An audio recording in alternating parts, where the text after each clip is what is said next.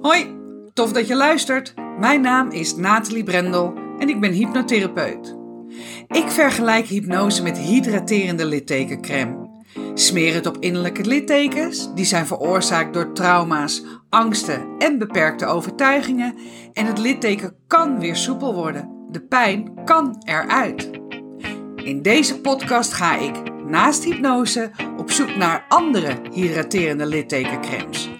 Want wat is er allemaal te vinden in het alternatieve therapieëncircuit? Ik ga in gesprek met de beste specialisten. Hoe zijn zij met hun smeerseltjes in aanraking gekomen? Wat was het moment dat ze dachten: dit is te gek, hier ga ik in verder? En wat doet het precies? En ik spreek ervaringsdeskundigen. Waarom zijn ze juist deze therapievorm gaan volgen? En wat heeft het ze opgeleverd? Kortom, de verhalen achter de kremmetjes. Welkom bij Smeren met Brendel.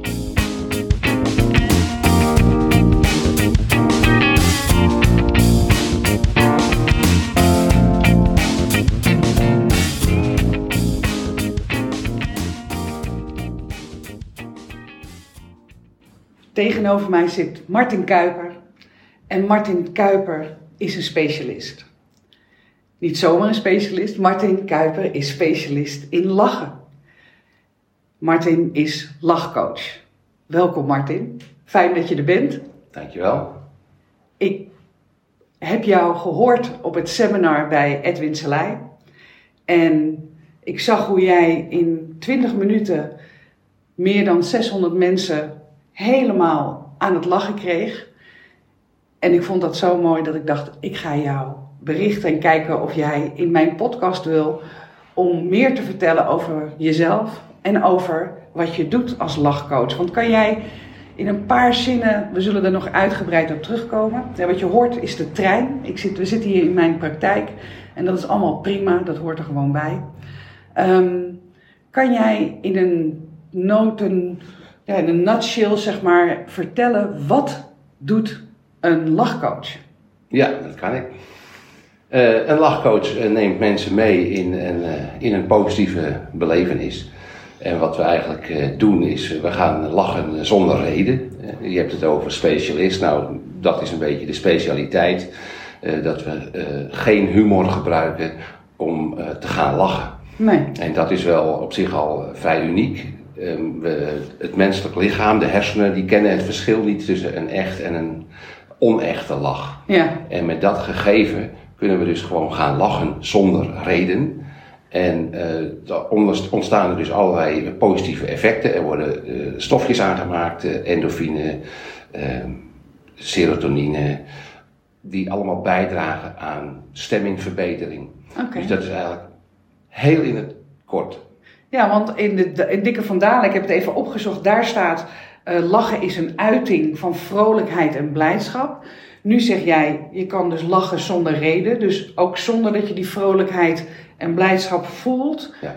En als je dan gaat lachen, dan krijg je dat gevoel vanzelf. Is dat wat je zegt? Ja, ja. bij mijn introductie zeg ik ook meestal, als je lacht, dan word je blij. Ja, precies. Oké. Je, je, hoeft niet eerst blij te zijn. Je kunt bij wijze van spreken zagrijnig zijn. Ja. Of met je verkeerde been uit bed uh, uh, zijn gestapt. Ja.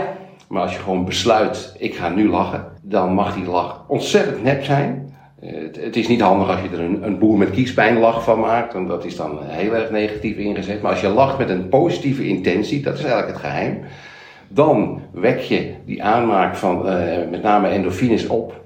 En uh, daar word je blij van. En als je eenmaal blij bent en je zet het door, dan geeft het ook energie. Dus je wordt er energiek van. Je kunt de dag goed aan, want je bent fit, vrolijk en ja, energized. Begin jij je dag ook altijd met lachen? Doe je dat zelf ook? Nee, dat Nee. heb ik wel gedaan. Ja. In mijn opleiding tot lachcoach kregen we als, eh, als huiswerk mee, eh, ga drie weken elke ochtend in de spiegel met jezelf lachen. Ja. Met jezelf, naar jezelf. En zet een, neem desnoods een potlood eh, in de hand of een tandenborstel of ehm, eventueel een eyeliner. Stop hem tussen je tanden. Zorg dat je een glimlach op je gezicht hebt van oor tot oor. En begin met lachen. Nou, dat heb ik drie weken geoefend en na een week denk je, dit is stom. Na twee weken denk je, nou, het lijkt toch wel enig effect te hebben. En bij de derde week is het een soort gewoonte geworden. Uh, en dan gaat het ook heel makkelijk. Dan heb je ook die weerstand niet meer. Heel veel mensen die een beetje in ratio vastzitten, die denken dan, ja, maar wat ben ik hier aan het doen? Ja, ik heb een beeld bij je. Ja, dus als, maar als je voorbij die kritische mind gaat ja. en gewoon denkt, ja, dit, dit ga ik gewoon doen. Uh, dan helpt dat. Oké. En het heeft mij heel veel gebracht. Inmiddels doe ik dat niet meer. Eigenlijk uh, begin ik mijn ochtend stevast met mediteren. Ook mooi. Maar goed, we hebben in ieder geval de eerste tip voor de luisteraars al te pakken. Ga gewoon s ochtends voor de spiegel staan en begin je dag met een lach. Ja. Heel goed. Iedereen heeft, hè, dat hij klein was, ideeën over wat hij wilde worden later. Ja. Was dat bij jou lachcoach? Ik kan me niet voorstellen dat dat is wat jij uh, wilde worden uh, later. Wat wilde je wel worden? Ja, nou, daar kan ik een heel lang verhaal uh, over geven. Laat ik dat niet doen. Maar ik wist als klein kind vooral dat ik niet wilde worden. En, uh, en dat was eigenlijk uh, timmerman. Want mijn, uh, mijn vader was een hele goede, ambachtelijke timmerman. Twee rechterhanden en een perfectionist.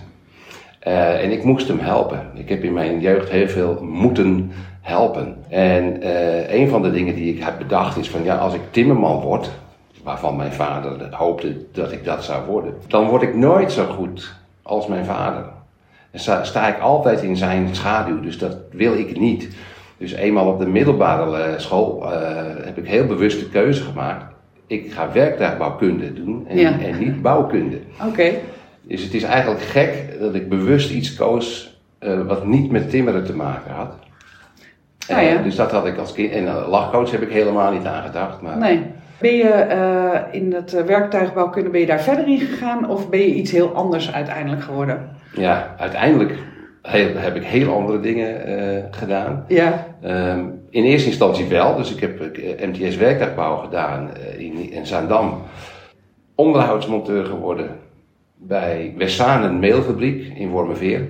Bestaat inmiddels ook niet meer.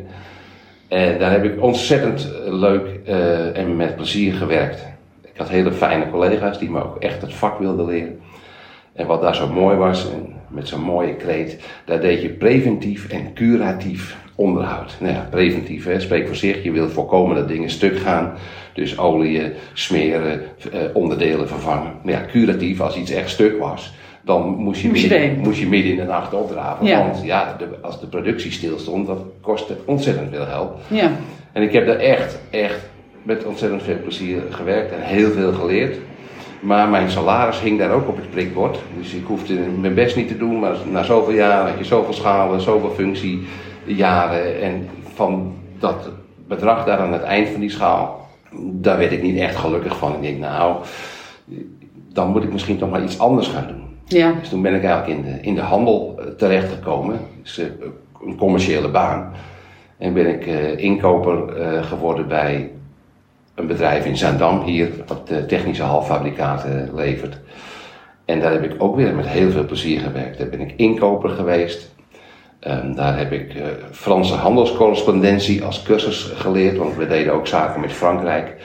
En ze zochten eigenlijk een, een, een techneut met uh, kennis van de moderne talen. Dus in mijn sollicitatiegesprek zei ik ook, nou, je, je vindt of een techneut, Ja. en dan moet hij die talen gaan leren. Of je vindt iemand met talen en die En heeft die- geen geen- technische opleiding. precies. Want die combi is bijna niet te vinden.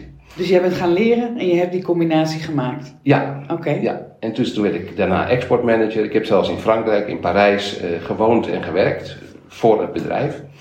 Eh, dus ja, fantastische dingen gedaan. En toen bedacht ik dat ik naar Afrika wilde. En hoe zag je leven er toen al uit? Was je toen al met iemand samen? Had Nee. je kinderen? Maar je was nog alleen. Ja, vrijgezel. Vrijgezel. Hoe oud ben je dan? Even voor mijn uh, Eh, de 20, 25, denk ik zo'n beetje.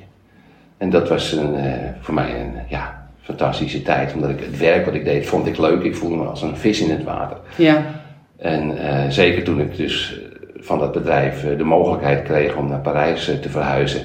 Om daar met een Franse dochterfirma eh, dat helpen opzetten. Ja, dat vond ik fantastisch. En toen ging je naar Afrika, vertelde je net? Ja, op enig moment ehm, was ik met twee vrienden naar Afrika geweest als vakantie, drie weken. Twee weken in een, in een overland truck door alle mooie parken van Kenia, Masai Mara, is ook Serengeti in Tanzania nog geweest. Prachtig. En de reisleidster van die trip, die zei toen tegen ons, ja jongens, jullie, jullie kunnen dit zelf ook.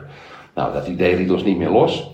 Dus wij gingen elk weekend naar de kroeg en waren we aan het darten, een biertje erbij en dan kwamen die verhalen van hoe kunnen wij zelf naar Afrika. En toen hadden we bedacht dat we met z'n drieën zouden gaan backpacken, uh, baan opzeggen, uh, we vliegen naar uh, Banjul en we gaan daar gewoon liftend met vrachtwagens, bussen, auto's, weet ik veel wat, gaan we door Afrika trekken en we kijken wel hoe lang dat duurt. Ja. Nou, uiteindelijk uh, werd dat een ander verhaal, want één vriend besloot om een baan te accepteren die hij heel graag wilde hebben.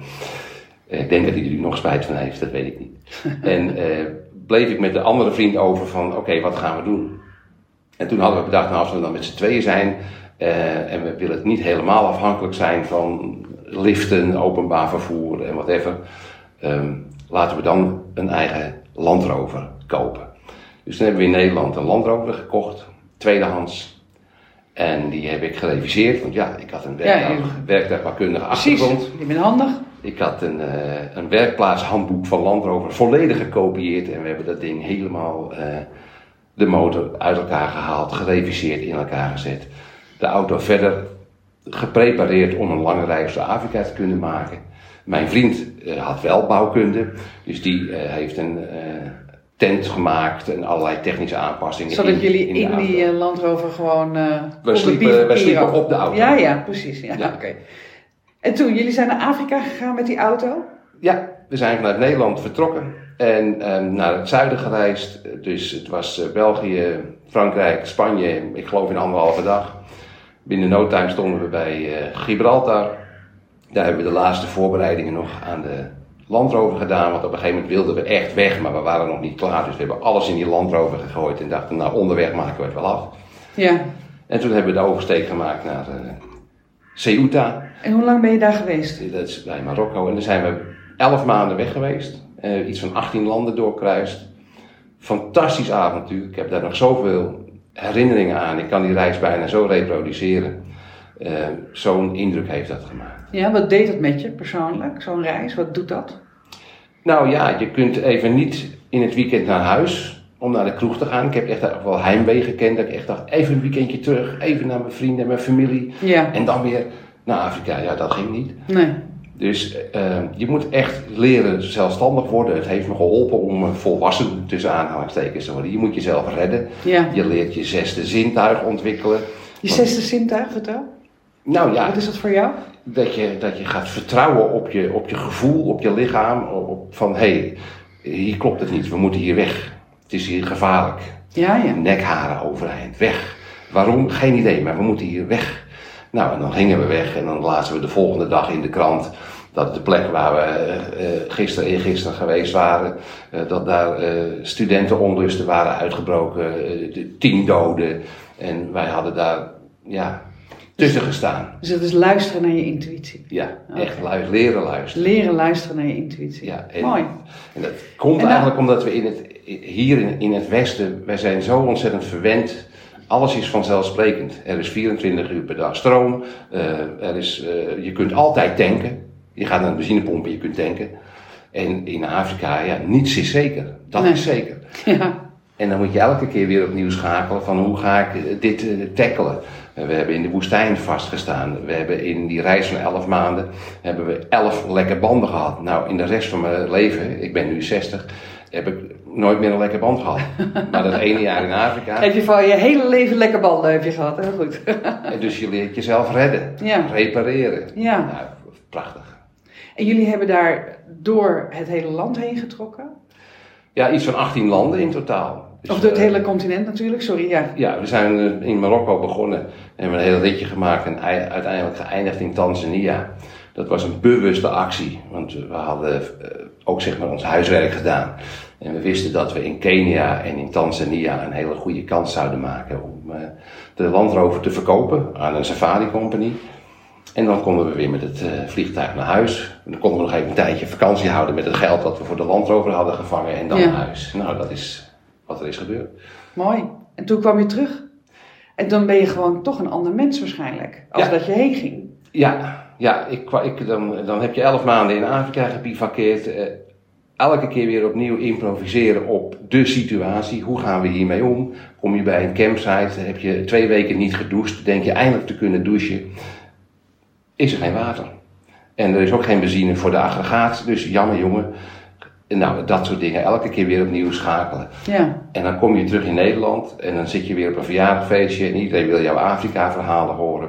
En dan hoor jij die mensen klagen dat er weer een vogel op hun auto heeft gescheten en dat ze weer de auto moeten wassen. En dan denk ik, oh my god. En je loopt door de supermarkt en je ziet al die schappen. En Ja, kan me voorstellen dat het heel overvloed. overvloed, ja. En dan hoor je de mensen maar klagen, klagen, klagen. En Ja. jongens, jullie hebben geen besef. Dus ik had dat besef ook niet, hè. Maar als je dan zo lang in Afrika bent geweest en je moet elke keer weer opnieuw improviseren en kijken van wat is er wel, wat doet het wel. En daar ga je op handelen. Dan word je wel heel eh, flexibel. Ja. En dan vind je het echt bijna onbegrijpelijk dat mensen hier over van alles klagen. Heb je dat gevoel gehouden dat je dat, je dat eh, gegeven of wat gebeurde er, dat je Nee, terugkwam hoor. in Nederland? Ja, op een moment pak je toch ook de Ja, draad, de weer op. Ga je net zo klagen weer? Nou, dat niet. Nee? Dat niet, maar, maar je, hebt, eh, je gaat op een gegeven moment toch weer je leven leiden. Ja. En hoe zag dat leven eruit? Nou, Want je was nog steeds vrijgezel? Dat nou nee, nee, want in Afrika heb ik een, een Nieuw-Zeelandse vriendin gekregen. Oké. Die zat op een andere landrover. En uiteindelijk hebben we daar, eh, eh, heeft, is die overgestapt van haar landrover op die van ons. En zijn we samen verder gegaan. Uiteindelijk ben ik met haar naar Nederland gegaan. En heeft zij nog een jaar met mij in Nederland gewoond. En toen kreeg ze toch echt wel heimwee. En toen ben ik dus met haar naar Nieuw-Zeeland vertrokken. Dus ik ben ook nog een jaar in Nieuw-Zeeland geweest. Oké dan. Ja. En toen speelde ik nog tuba in een symfonieorkest. Dus ik had, het, ik had het idee, ik ga emigreren naar Nieuw-Zeeland. Dus ik had mijn tuba op transport gezet. Ik heb daar in Nieuw-Zeeland zelfs nog in een symfonieorkest eh, gespeeld. Maar die relatie die hield geen stand. En na een jaar eh, had ik nog duizend gulden. En toen was de keuze, koop ik nu een nieuw tweepersoonsbed of koop ik een ticket naar huis. En het werd het laatste. en het werd het laatste, ja. En dan kom je terug in Nederland en... Ontzettend luddeverde. Ja? Want ja, ik, ik, eh, ik was helemaal verliefd op die vrouw, maar eh, daar in Nieuw-Zeeland was het zo saai en zo vreemd voor mij allemaal. Ik, ik kon daar niet aarden, niet wennen. En eh, heb ik echt de keuze gemaakt van ja, dit, is, dit wil ik niet. Ehm, en dan aanvaard ik ook de consequenties, maar ik heb echt maanden liefdesverdriet gehad. En dan in die tijd ging je dan een brief schrijven. Ja. En dan duurde het twee, drie weken voor je antwoord kreeg. En dan stond daar natuurlijk niet in wat je wilde horen. Dus weer een brief schrijven. En dan was je weer drie weken verder. En eh, dat was een hele andere situatie. En uiteindelijk, ehm, ja, heb ik het kunnen accepteren, zal ik maar zeggen. Van ja, dit gaat toch niet meer werken. En heb ik mijn leven weer opgepakt. En hoe zag dat eruit dan dat je je leven weer oppakte? Ik ging werken bij een uitzendbureau. En eh, daar ging ik in eerste instantie werken om, ja, ik had, ik had geen baan, ik had niks. Ik, ik woonde bij vrienden in, ik had ook nog geen woning. En daar ben ik vuilnisman eh, geweest, fantastische baan. Eh, andere leuke dingen gedaan. Totdat ze bij het uitzendbureau zagen van, goh, die Martin die heeft wel een heel interessante cv. Die is import, exportmanager geweest, inkoper geweest, hij kan van alles. Hij spreekt Frans. Hij spreekt Frans.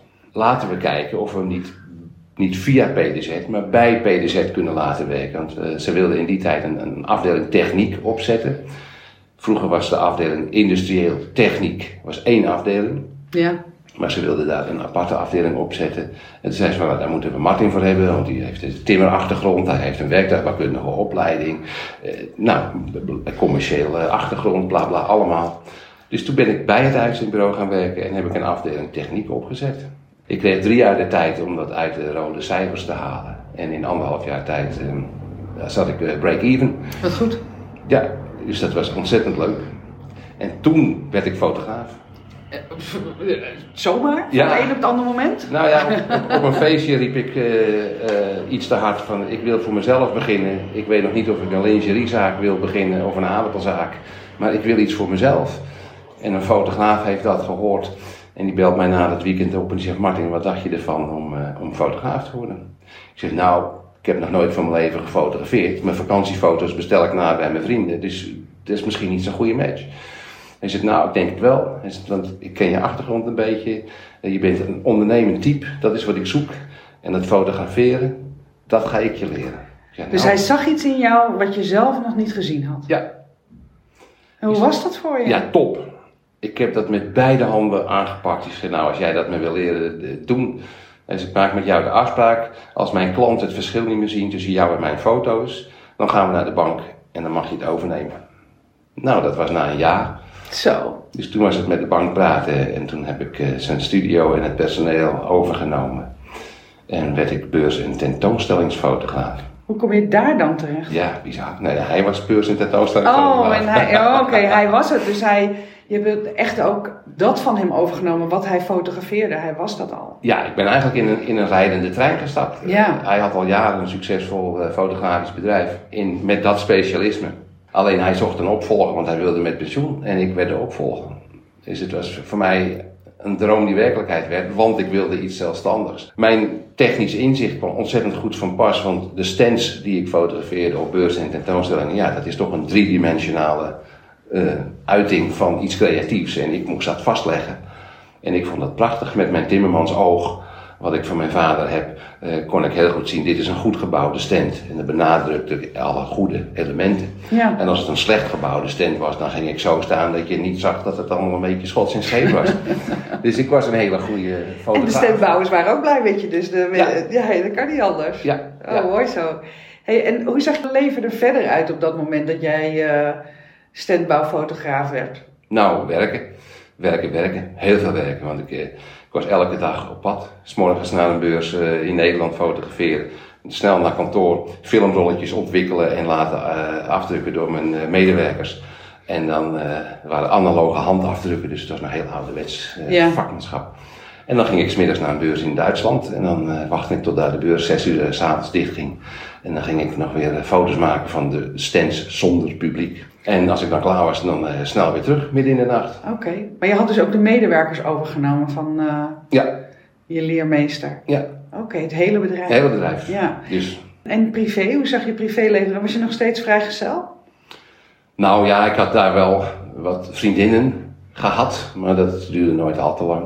Een jaar of zo. Uh, ja, dat was leuk, maar... dus je had ook alle tijd aan jezelf? Je kon s ochtends vroeg... Ja starten en s'avonds laat eindigen, het maakte niet uit. Nee, het was ontzettend hard werken, maar ik deed het met plezier. En ik, het was voor mij elke keer opnieuw een uitdaging. En die uitdaging, dat vond ik fantastisch. Ja. Totdat ik op een gegeven moment erachter kwam dat ik wel heel erg veel werkte. Toen kreeg ik inderdaad een relatie. We gingen trouwen en ik bleef maar hard werken. Ik kreeg kinderen en ik bleef maar hard werken. Dus uiteindelijk uh, ging dat niet goed. Wat ging er precies niet goed dan? Mijn inmiddels ex-vrouw die um, vond het ontzettend lastig dat ik er bijna nooit was. En als ik er was, dan was ik moe. Want ja, ik werkte 80, 90 uur in de week. Ik reed heel veel kilometers op jaarbasis naar al die beurzen toe. Uh, dus ik had weinig tijd om ja, met de kinderen door te brengen. En dat ja, want je had inmiddels ook kinderen gekregen. Want in, ja. over, over welk tijdsbestek hebben we het nu? Waar, over hoeveel jaar praten we nu? Hoe lang heb je dit gedaan? Nou, in 2000. 2002 werd mijn eerste zoon geboren, 2007 de tweede. En in die periode ging het eigenlijk ja, ongemerkt uh, uh, slechter. Ongemerkt? Ja, nou ja, ik, ik, had het niet in de gaten. Jij had het niet in de dat gaten? Dat mijn vrouw niet gelukkig was uh, met, met die situatie. We hadden wel voldoende geld, want ik verdiende echt genoeg geld met dat werk. Maar ehm, ja, de relatie was niet gezond meer. En daar ging het mis. En dat hielp niet, want nou ja, zij gingen geestelijk aan onderdoor. Uh, ik op enig moment ook. Ik zal je de details besparen. Het is toch een beetje de bedoeling dat we een positief gesprek hebben. Maar dat was voor mij wel een hele zware, hele zware tijd. Nou ja, we hebben zeker een positief gesprek. Maar ik ben wel heel erg benieuwd naar wat uiteindelijk dan ook het moment is. Hè, dat je, hè, als je zegt het is een hele zware tijd. Hoe lang heeft die tijd bijvoorbeeld geduurd? Hoe lang heb je dat zo op die manier ervaren? Ja, nou, ik heb een heel slecht tijdsbesef. Oh, dat is ook dat is misschien soms wel lekker. Dat is, kan heel, eh, heel prettig zijn. Ja. Maar in, eh, laat zeggen, in 2013 had ik wel een, een, een dieptepunt. Waarin het gewoon echt niet goed ging. En eh, dat had mede te maken dat in 2009 eh, eh, mijn bedrijf, zeg maar, mede door de economische crisis, ehm, failliet ging. Dus toen zat ik opeens met schulden. Ehm, ik ehm, had geen inkomen meer. Het personeel werd ontslagen door de curator. Het personeel deed mij een proces aan, dus rechtbank, gedoe. Ja, het, het was allemaal negativiteit. En eh, dat, dat heeft heel veel impact gehad op mijn eh, inmiddels ex-vrouw. En ja, ik stond op een gegeven moment ook in een soort overlevingsstand. Ja, en hoe was dat? Wat, wat is voor jou een overlevingsstand geweest? Wat, eh, hoe uitte zich dat? Dat je totaal niet meer bij je gevoel kunt. Dat gevoel wat je, dat, dat, wat je in Afrika zo enorm gevoeld had, dat intuïtie, dat Ja. gevoel. Ja, je, je, snapt het niet meer. Je, je snapt niet wat er gebeurt, waarom het gebeurt, hoe je het kan keren. Je bent de, grip kwijt, de controle zo je wilt. En dan ga je in een overlevingsstand, dan, dan, dan ben je niet meer bezig met eh, wat wil ik en wat kan ik, maar wat is er nu nodig om eh, voor mijn kinderen te kunnen zorgen. Dat was prioriteit één. Mijn inmiddels ex-vrouw kon dat niet meer aan. Eh, ik wilde per se het huis niet verliezen, want dat was de basis nog voor mijn kinderen, voor onze kinderen.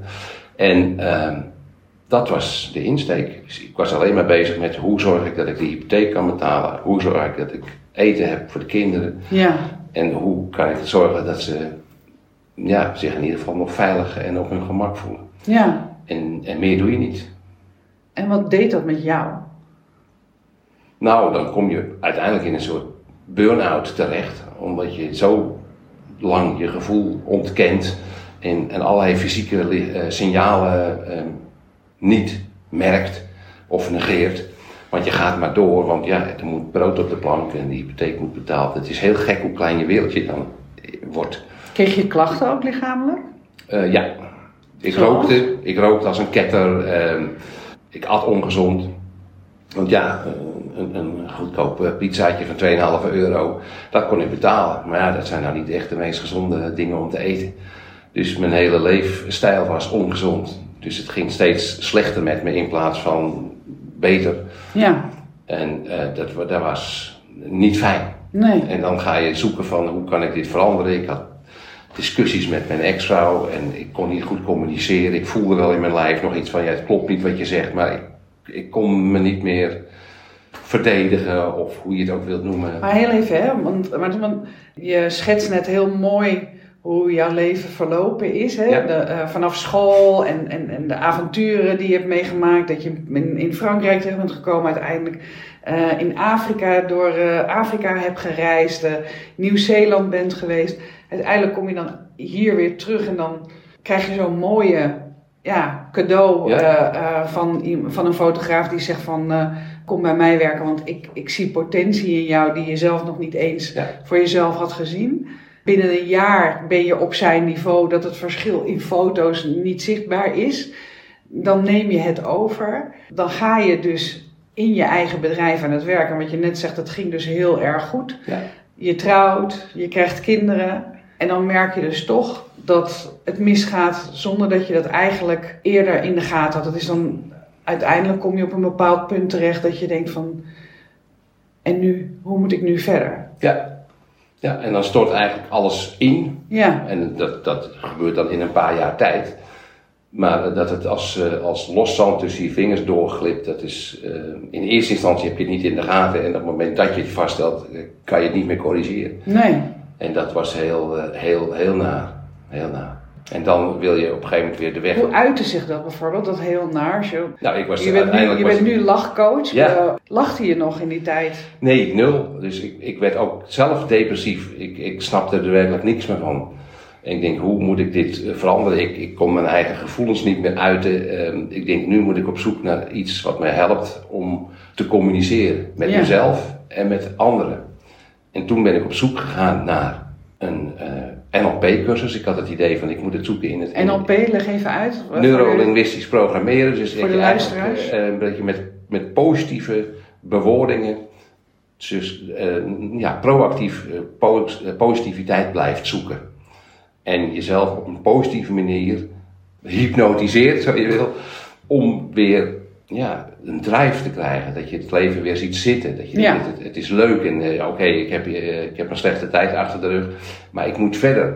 En dan is het niet handig om aandacht te blijven geven aan, aan de negativiteit die er is geweest. Want dat helpt me niet om door te gaan. Nee, maar wat goed dat je dat constateerde. Even goed dan op zo'n moment dat je depressief was en wat je zegt eh, in een soort burn-out zat. Ja. Nee, dat klopt. Dat klopt. En dan was nog het interessante verhaal van hoe ga ik dat betalen? Want ja, ik had bijna geen geld om een om cursus te betalen. Nee. En uiteindelijk is dat toch gelukt. En ehm, ben ik dus ook bij het Hypnose Instituut eh, terechtgekomen. Bij Edwin Salai.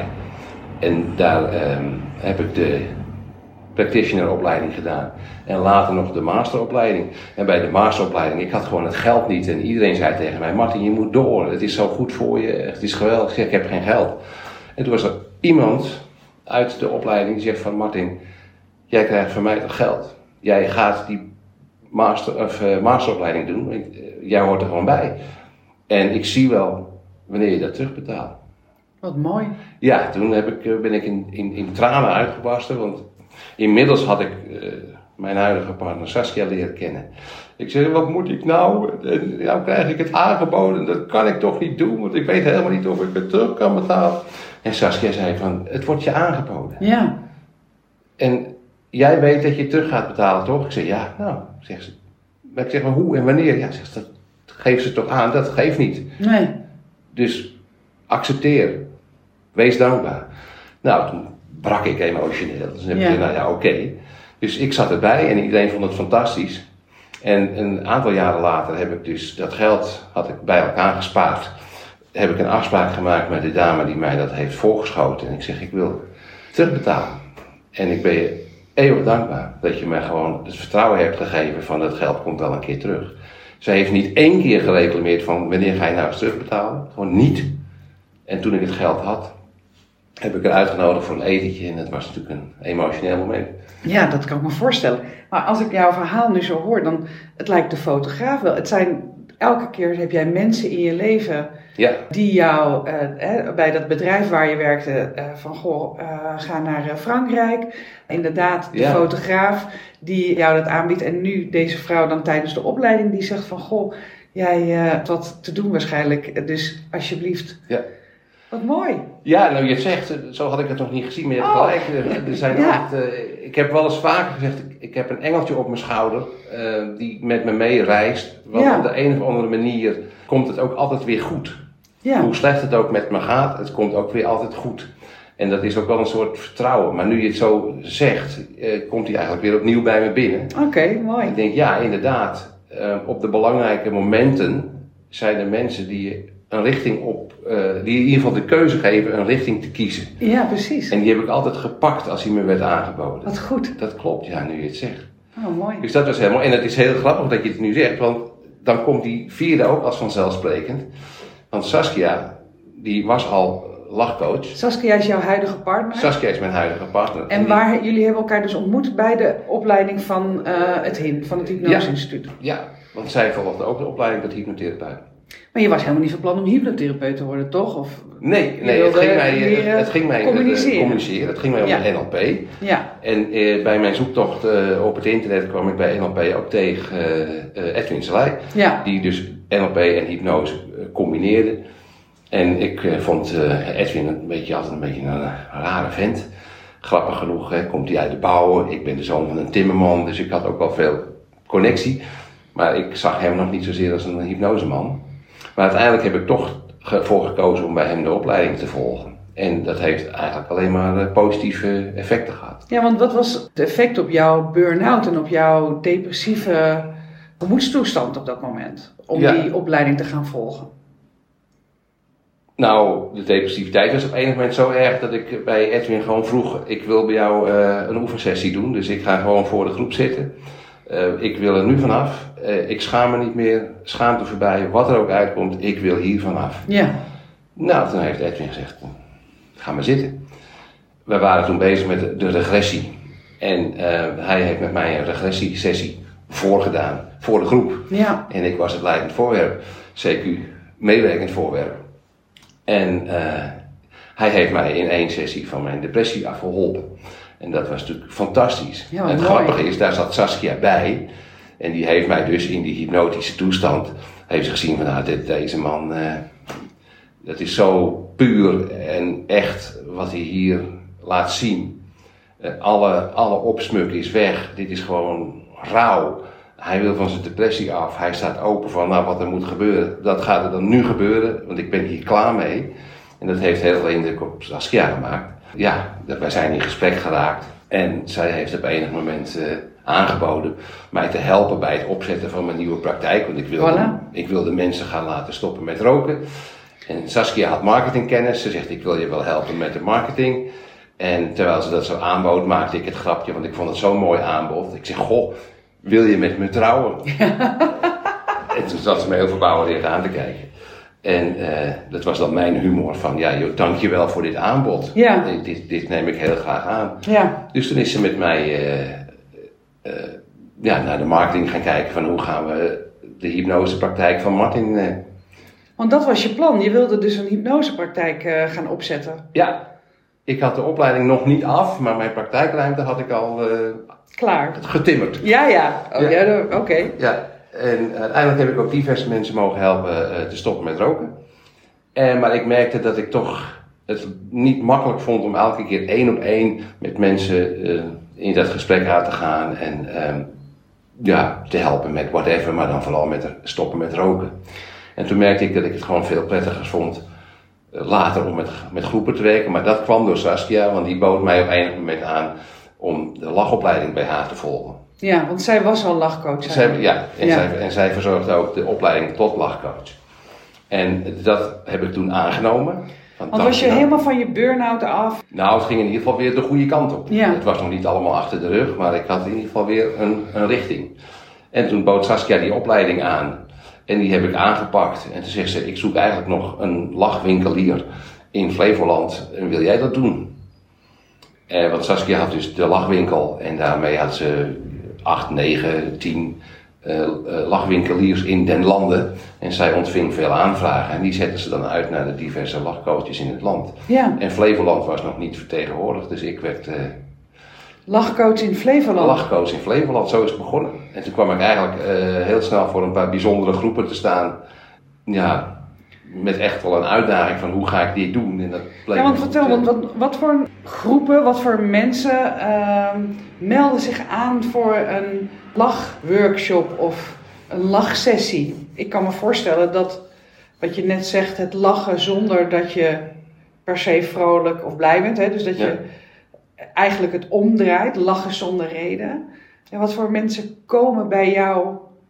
Nou, in eerste instantie waren dat vooral particulieren, dus mensen, uh, familiefeest. Oh ja, oké. Okay. In het zuiden van het land. Ja, je kan met families uh, soms wel eens een lach nodig hebben, hè? Familiefeest. Zeker, zeker, ja. Maar ook bijvoorbeeld bij jaarfeesten, dat uh, mensen die inmiddels al lang een, een, een, baan in het bedrijfsleven hebben, die hebben vroeger met elkaar op de universiteit gezeten, dus de jaarclubs. Die komen dan één keer per jaar bij elkaar om een jaarfeest te houden. Hebben inmiddels zelf kinderen gekregen. En dan staat zo'n weekend, hebben ze ergens een boerderij gehuurd. En dan gaan ze allerlei activiteiten doen. Dus dat wordt poffertjes bakken voor de kinderen. Uh, maar ja, gezamenlijke activiteiten. En oh, wat leuk, een lachworkshop. Nou, dus dan krijg je zo'n aanvraag om een lachworkshop te verzorgen voor een familie van soms uh, 60 mensen, soms voor 10 mensen. Ja, ja. Maar je komt dan ook bij bedrijven die dus aan teambuilding uh, willen doen en die willen de medewerkers een ervaring leveren die een beetje buiten hun comfortzone ligt. Nou, dat soort aanvragen. Ja, want wat doet het daar met zo'n groep mensen? Uh, ja, lachen heeft gewoon heel veel uh, voordelen. Het verbindt. Lachen verbindt. Als je samen lacht, dan kun je vriendjes worden. Mm -hmm. En um, lachen, vooral het lachen zonder reden, dat is wat hier zo krachtig aan is. Is dat je dus niet hoeft af te vragen of mijn gevoel voor humor ook wel jouw gevoel voor humor is. Of van de groep. Uh, ik heb gelachen met bijbelclubs. En dan is het niet handig dat je grapjes maakt over het geloof of ten koste van het geloof. Dus daar werd ik ook voor gewaarschuwd. Dan belde zo'n dame mij op en zegt van, ik wil dat u weet dat wij het niet op prijs stellen als u grapjes over het geloof maakt. Denk ik, nee natuurlijk niet, maar dat gaan we ook niet doen. Want we doen niet aan leedvermaak. We lachen niet om elkaar, maar we lachen met elkaar. En we lachen elkaar niet uit, maar we lachen elkaar toe. En we maken geen grapjes ten koste van wie of wat dan ook. Ja. Nou, dat was dan voor zo'n dame een geruststelling en het bleek achteraf een groot succes. Ja, want wat is dan een succes? Wat levert het uiteindelijk op dan als je bij jou een lachsessie of een lachworkshop volgt? Nou, sowieso de positieve ervaring. En als je zeker kijkt naar de, naar de afgelopen jaren waarin we in de corona allemaal aan uitsluiting hebben gedaan. We mochten elkaar niet meer knuffelen, we mochten elkaar niet, ons lach niet meer zien. Uh, want ja, we hadden een mondkapje voor. Uh, we mochten niet meer samenkomen. En het heeft heel veel problemen gegeven, want mensen zijn kuddedieren, als ik het zo uh, mag zeggen. En als je samen lacht in een groep, dan kun je je ook verbinden. En dan ben je, ben je, ben je vriendjes. En dat is echt belangrijk. Heel veel mensen, ook veel, veel jonge mensen, zijn in de problemen gekomen door de hele coronasituatie. Uh, doordat ze zich buitengesloten voelden. Ze misten het gevoel van verbinding met een groep. Je wil met je, met je, met je vrienden kunnen chillen. Ja, dat kon en dat mocht niet meer. Nee. Um, dus het, het lachen, wat ik vooral merk, is de verbinding. En het feit dat je samen um, echt kunt zijn. Je hoeft niet meer een rol te, zijn, te spelen. Als je lacht, ben je vriendjes. Ik zeg het nog een keer. En als je lacht, is er vertrouwen. En als er vertrouwen is, dan kun je ook delen wat je werkelijk bezighoudt. Dus het contact wat je met andere mensen hebt, is echt. Het gaat niet meer over koetjes en kalfjes. Het gaat niet meer over het mooie weer. Het gaat erom hoe jij je voelt. Uh, wat je wilt met het leven. Uh, hoe je anderen kunt helpen. Heel gek. Maar iedereen wil elkaar helpen. En wat je in deze polariserende wereld ziet, is uh, alle oorlog en geweld, als ik het heel simpel mag samenvatten. Um, jij en ik willen geen oorlog. De mensen willen geen oorlog. Maar er zijn ergens een paar grote bobo's die vinden dat ze het niet met elkaar eens zijn. En die gaan een strijd aan en daar zetten ze dan mensen voor in die helemaal geen strijd willen. Die zouden dus eigenlijk wat vaker moeten lachen. Ja. Dat zou het zijn. Ik had ook gelezen inderdaad dat één minuut lachen staat gelijk aan tien minuten op zo'n roeimachine. Ja. ja. Lachen is een hele intensieve vorm van ademhalen. Ja. En je gebruikt dus behoorlijk stevig je spieren.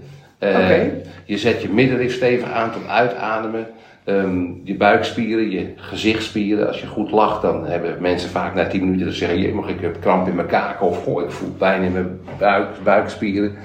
Dus je zet een hele hoop spiergroepen uh, aan het werk. En daar ben je eigenlijk helemaal niet zo bewust van. Als je, bedoel, als je lacht, dan denk je van, nou, dat het heel vanzelfsprekend is.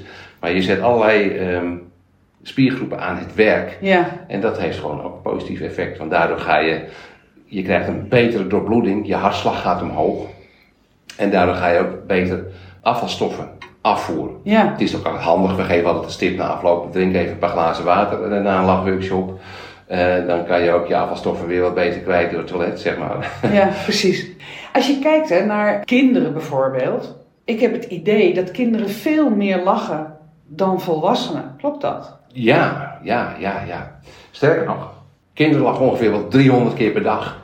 En volwassenen nog maar 15 keer per dag. Als kind verleer je dus eigenlijk om te lachen. Ja, omdat we als kinderen veel te vroeg wordt afgeleerd om uh, gewoon plezier te maken en buiten te spelen.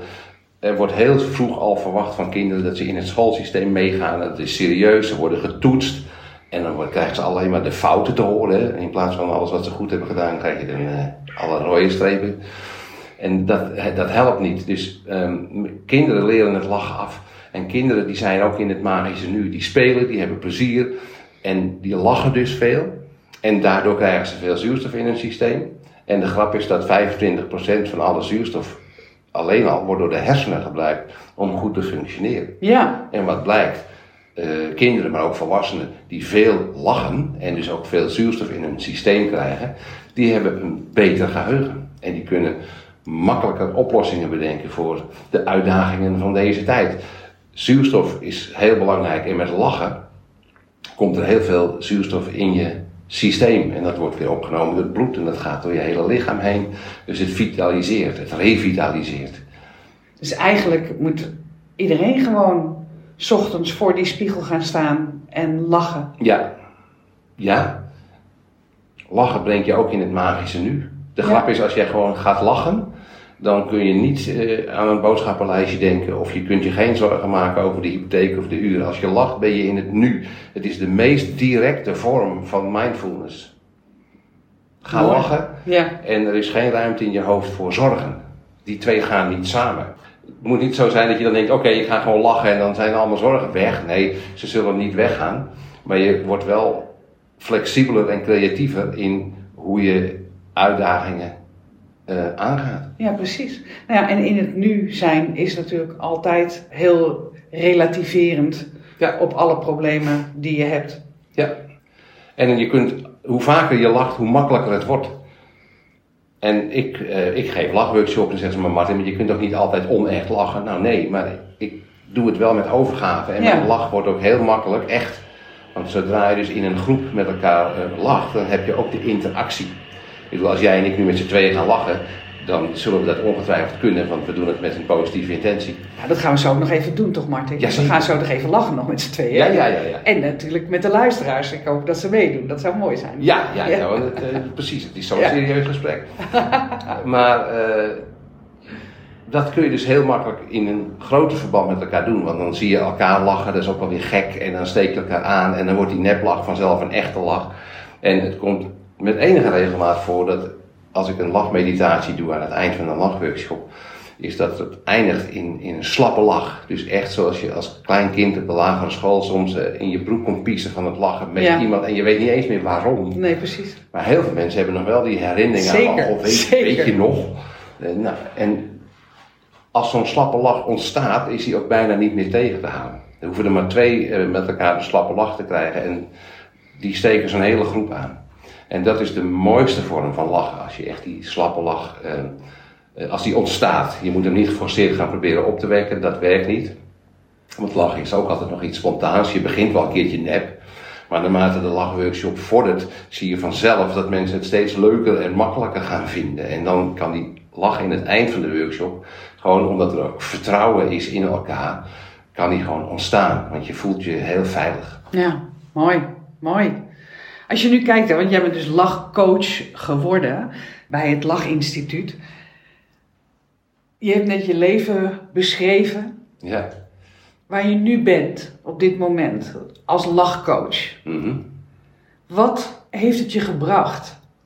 Nou ja, natuurlijk heel veel positiviteit. Het heeft me een hele positieve basisinstelling gegeven. Ik weet ook, ik kan niet 24-7 altijd maar vrolijk, blij en gelukkig zijn. Ik kijk ook wel eens naar buiten en ik denk, wat een, een rotdag of wat een klote weer. Excusez le mot. Maar ik weet ook heel makkelijk, oh, dit gaat voorbij. Eh, vandaag is misschien een slechte dag en morgen misschien ook nog. Maar ik word er niet in meegesleept. Ik ga niet mee in, dat, in, de, in de negatieve vibe. Ik denk gewoon, oké, eh, dit, dit gaat voorbij. Dus ik. Is dat anders dan vroeger?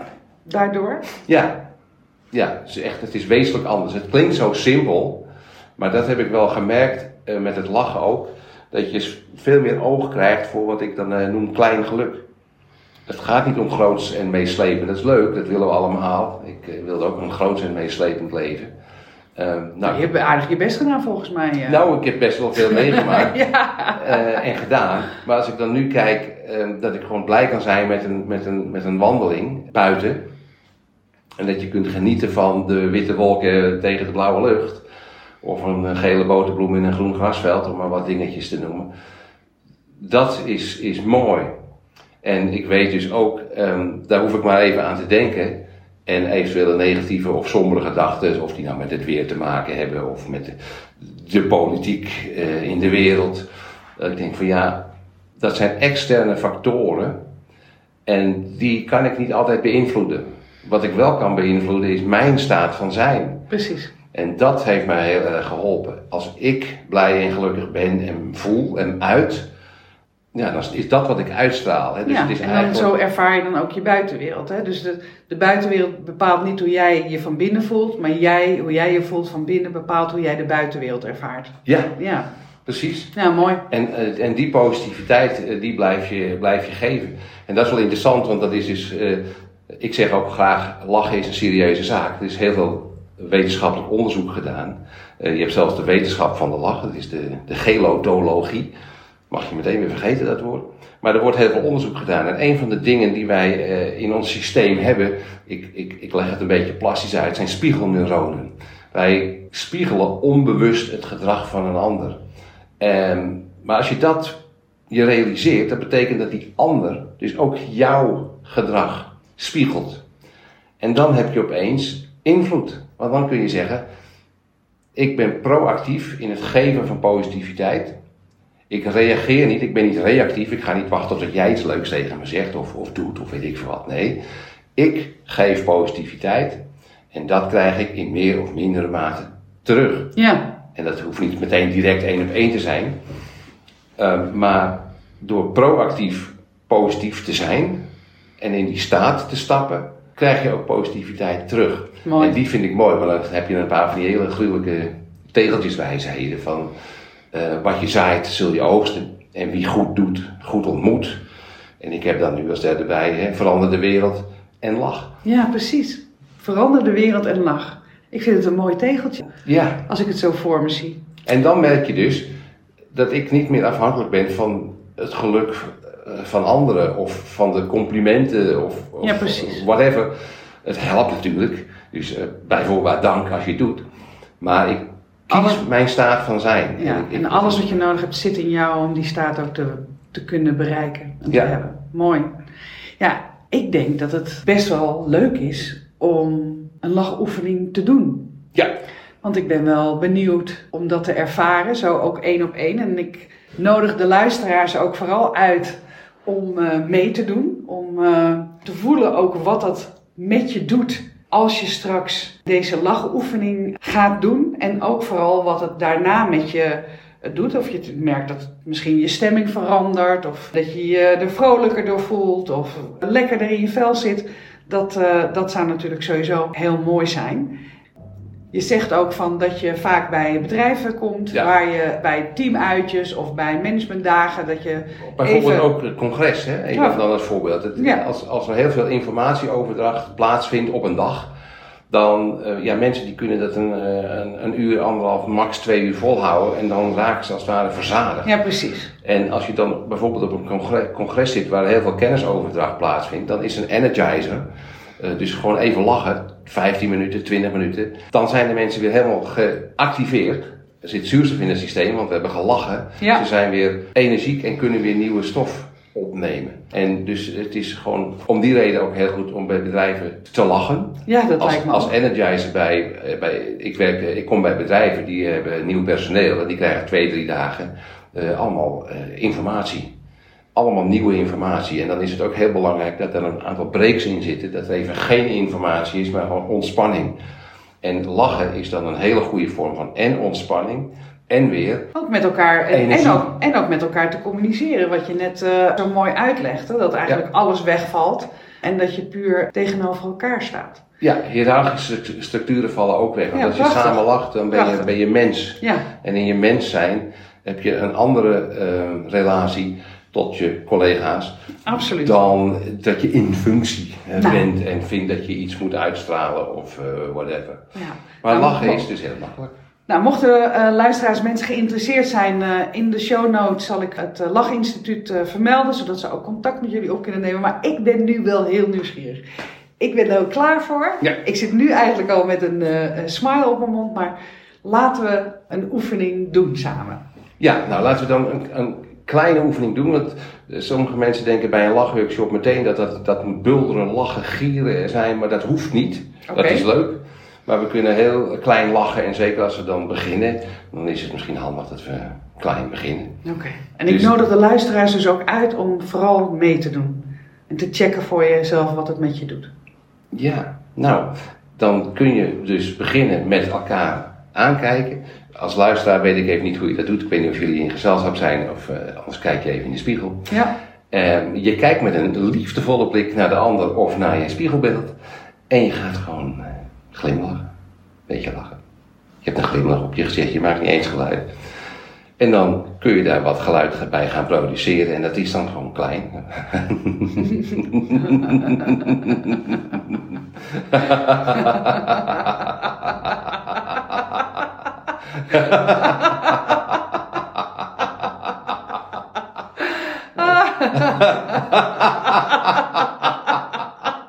nou, zo. Oké. Het Ja. voelt heel hè, Dus dat zouden we een tijdje kunnen doen. En, ja. maar als de groep wat groter is, dan Ja. eh, kun je dus al heel snel zeggen van joh, eh, kijk elkaar even aan. Ja. Eh, Zoek elkaar even op. Eerst die en dan die en dan die. En lach gewoon. Ja. En door de sprankeling in je ogen is al een heel belangrijk contact. Ja, ik, ik voel, als ik even nu naar mezelf eh, eh, even incheck, dan voel ik mijn kaken al gelijk. Ik voel mijn mondhoeken enorm eh, optrekken. Ik, ik voel ook nog dat de lach nog in mij zit. Dus ik Ja. zou het nu zo weer kunnen lachen. Nou, dat vraag ik aan jou. Volgens mij staat mijn gezicht wel vrolijk. Ja. Ja dus, je ogen ook. ja, mijn ogen ook. En ik voel het ook in mijn buik. Dus Ja, dat wat- is lekker. Wat we dan nog kunnen doen, Ja. Het is een beetje, ja, niet de tijd van jaar nu, maar we kunnen de kerstmannenlach even oefenen. Iedereen kent de kerstmannenlach wel. Ja, dat even van ik voel het in mijn buik, maar Ja. dat is een echte, echte buiklach. Dus je kunt dan even je handen op je buik leggen. Dat doe ik nu. En dan ga je naar je handen, naar je handen toe ademen. Dus je ademt naar voren, dus dat betekent je buik komt naar voren, je middenrif zakt en je longen zijn maximaal gevuld met lucht. En dan doe je gewoon de, de kerstmannenlach. Ho, ho, ho, ho, ho, ho. Ho, ho, ho, ho, ho, ho, ho, ho. En je schudt een beetje met die buik. Ho, ho, ho, ho, ho, ho, ho. Nou, dat. Die kunnen we ook. Waar het om gaat is dat je voelt Ja. dat er iets gebeurt in die buik. Ja. En dat die spieren worden aangezet. Dus die, misschien vindt niet iedereen de kerstmannenlach een heel goed voorbeeld. Maar het is wel een heel goed voorbeeld voor die buikspieren. Ik voelde het, ik voelde het in mijn buik, zeker. Ja. En welke lachoefening ik heel vaak doe, is de, is de opbouwlach. En dan is het eigenlijk, eh, begin je heel klein en bescheiden, een beetje te gniffelen, te glimlachen. Je een beetje binnenpretjes. En je hebt je hand voor je mond. En, maar je gaat steeds luider lachen, je haalt de hand voor je mond vandaan. En dan wordt het wel een schaterlach en een bulderlach. En een dijenkletser. Ik weet niet of de microfoons het aankunnen. Nou, als we misschien iets naar achter gaan, dan... eh, Nou, dan. En dan begin je heel klein met de hand voor je mond. En ik zie alleen aan de sprankeling in je ogen dat je precies hebt. en de luisteraars thuis kunnen gewoon een beetje meedoen.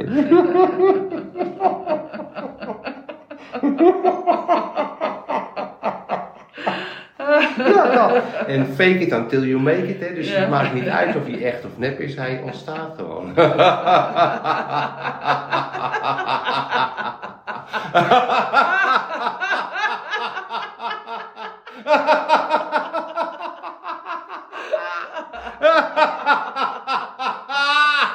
Daar je kletsen.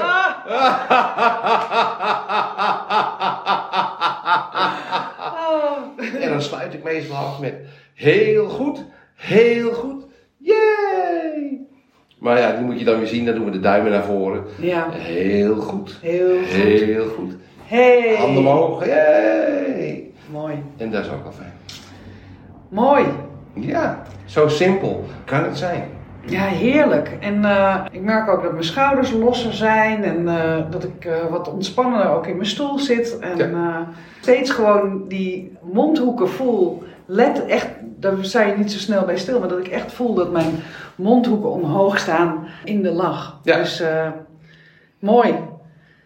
Dankjewel zover. Mijn vraag aan jou is, is alles gezegd? Of heb je nog iets wat je wilt toevoegen waarvan je vindt van dat is interessant om ook in deze podcast te benoemen? Ja, toch nog. Dankbaarheid. Ik merk dat het ontzettend helpt ehm, om elke keer weer te realiseren. Ik ben dankbaar voor alle, alles wat ik leer, alles wat ik ervaar en alles wat ik meemaak. Ehm, het is grappig dat jij op enig moment samenvat dat er altijd wel iemand is geweest die mij heeft geholpen. En dat besef kwam opeens bij mij opnieuw binnen. En ik, oh ja, dat is ook zo. En in al die slechte periodes is er iets of iemand die jou toch weer op de rit helpt. En als ik daar dan aan terugdenk, dan ben ik dankbaar. En Ja. dat is eigenlijk wat ik nu bijna elke ochtend ook in mijn meditaties doe. Dat ik dankbaar ben voor de nieuwe dag en dankbaar voor wat de dag mij gaat brengen. Mooi. En eigenlijk is dat al een, de, de toonzetting voor hoe ik met de dag wil beginnen. Ja, Dus ik kijk niet naar buiten en denk, goh, wat een rot weer. Nee, ik word wakker, ik steek een kaarsje aan, ik begin met mediteren. Dan doe ik bijna dagelijks. Nee, dat doe ik dagelijks bijna een half uur, zo wil ik het zeggen. Soms wordt het een uur, dat hangt er een beetje vanaf. En dat vind ik echt goed. Want ja, vroeger deed ik het helemaal niet. Ik wist helemaal niet dat dat kon. En uh, die dankbaarheid, die geeft ook de ruimte om elke keer weer opnieuw te kiezen voor jouw staat van zijn. En dat je ook weet van, uh, oh ja, ik moet ook nog even de rekeningen betalen. En oh ja, ik moet ook nog dit. Maar je wordt veel uh, flexibeler, makkelijker. Je gaat niet meer, in, je gaat niet meer mee in die zorg. Of uh, in, de, in de somberheid. Mooi. Dat vind ik, dat vind ik mooi. Dat je, dat je blijft kiezen. En dan is het dus handig. Die vind ik dan, die herhaal nog een keer. Is dat je proactief kiest voor je staat van zijn. En dan zou ik zeggen, kies een positieve. Nou, ik denk dat dat een prachtige boodschap is ook om mee af te sluiten. Dank je wel voor je komst. Dank je wel voor uh, dat je je verhaal hebt willen delen. En vooral dank je wel ook voor dat je mijn staat van zijn op een hele positieve manier hebt uh, uh, beïnvloed. Door, ja, door vooral veel te lachen. En ehm, ik wens je alle goed. Dankjewel. Jij ook en graag tot lachs. Ja, tot lachs. Dankjewel.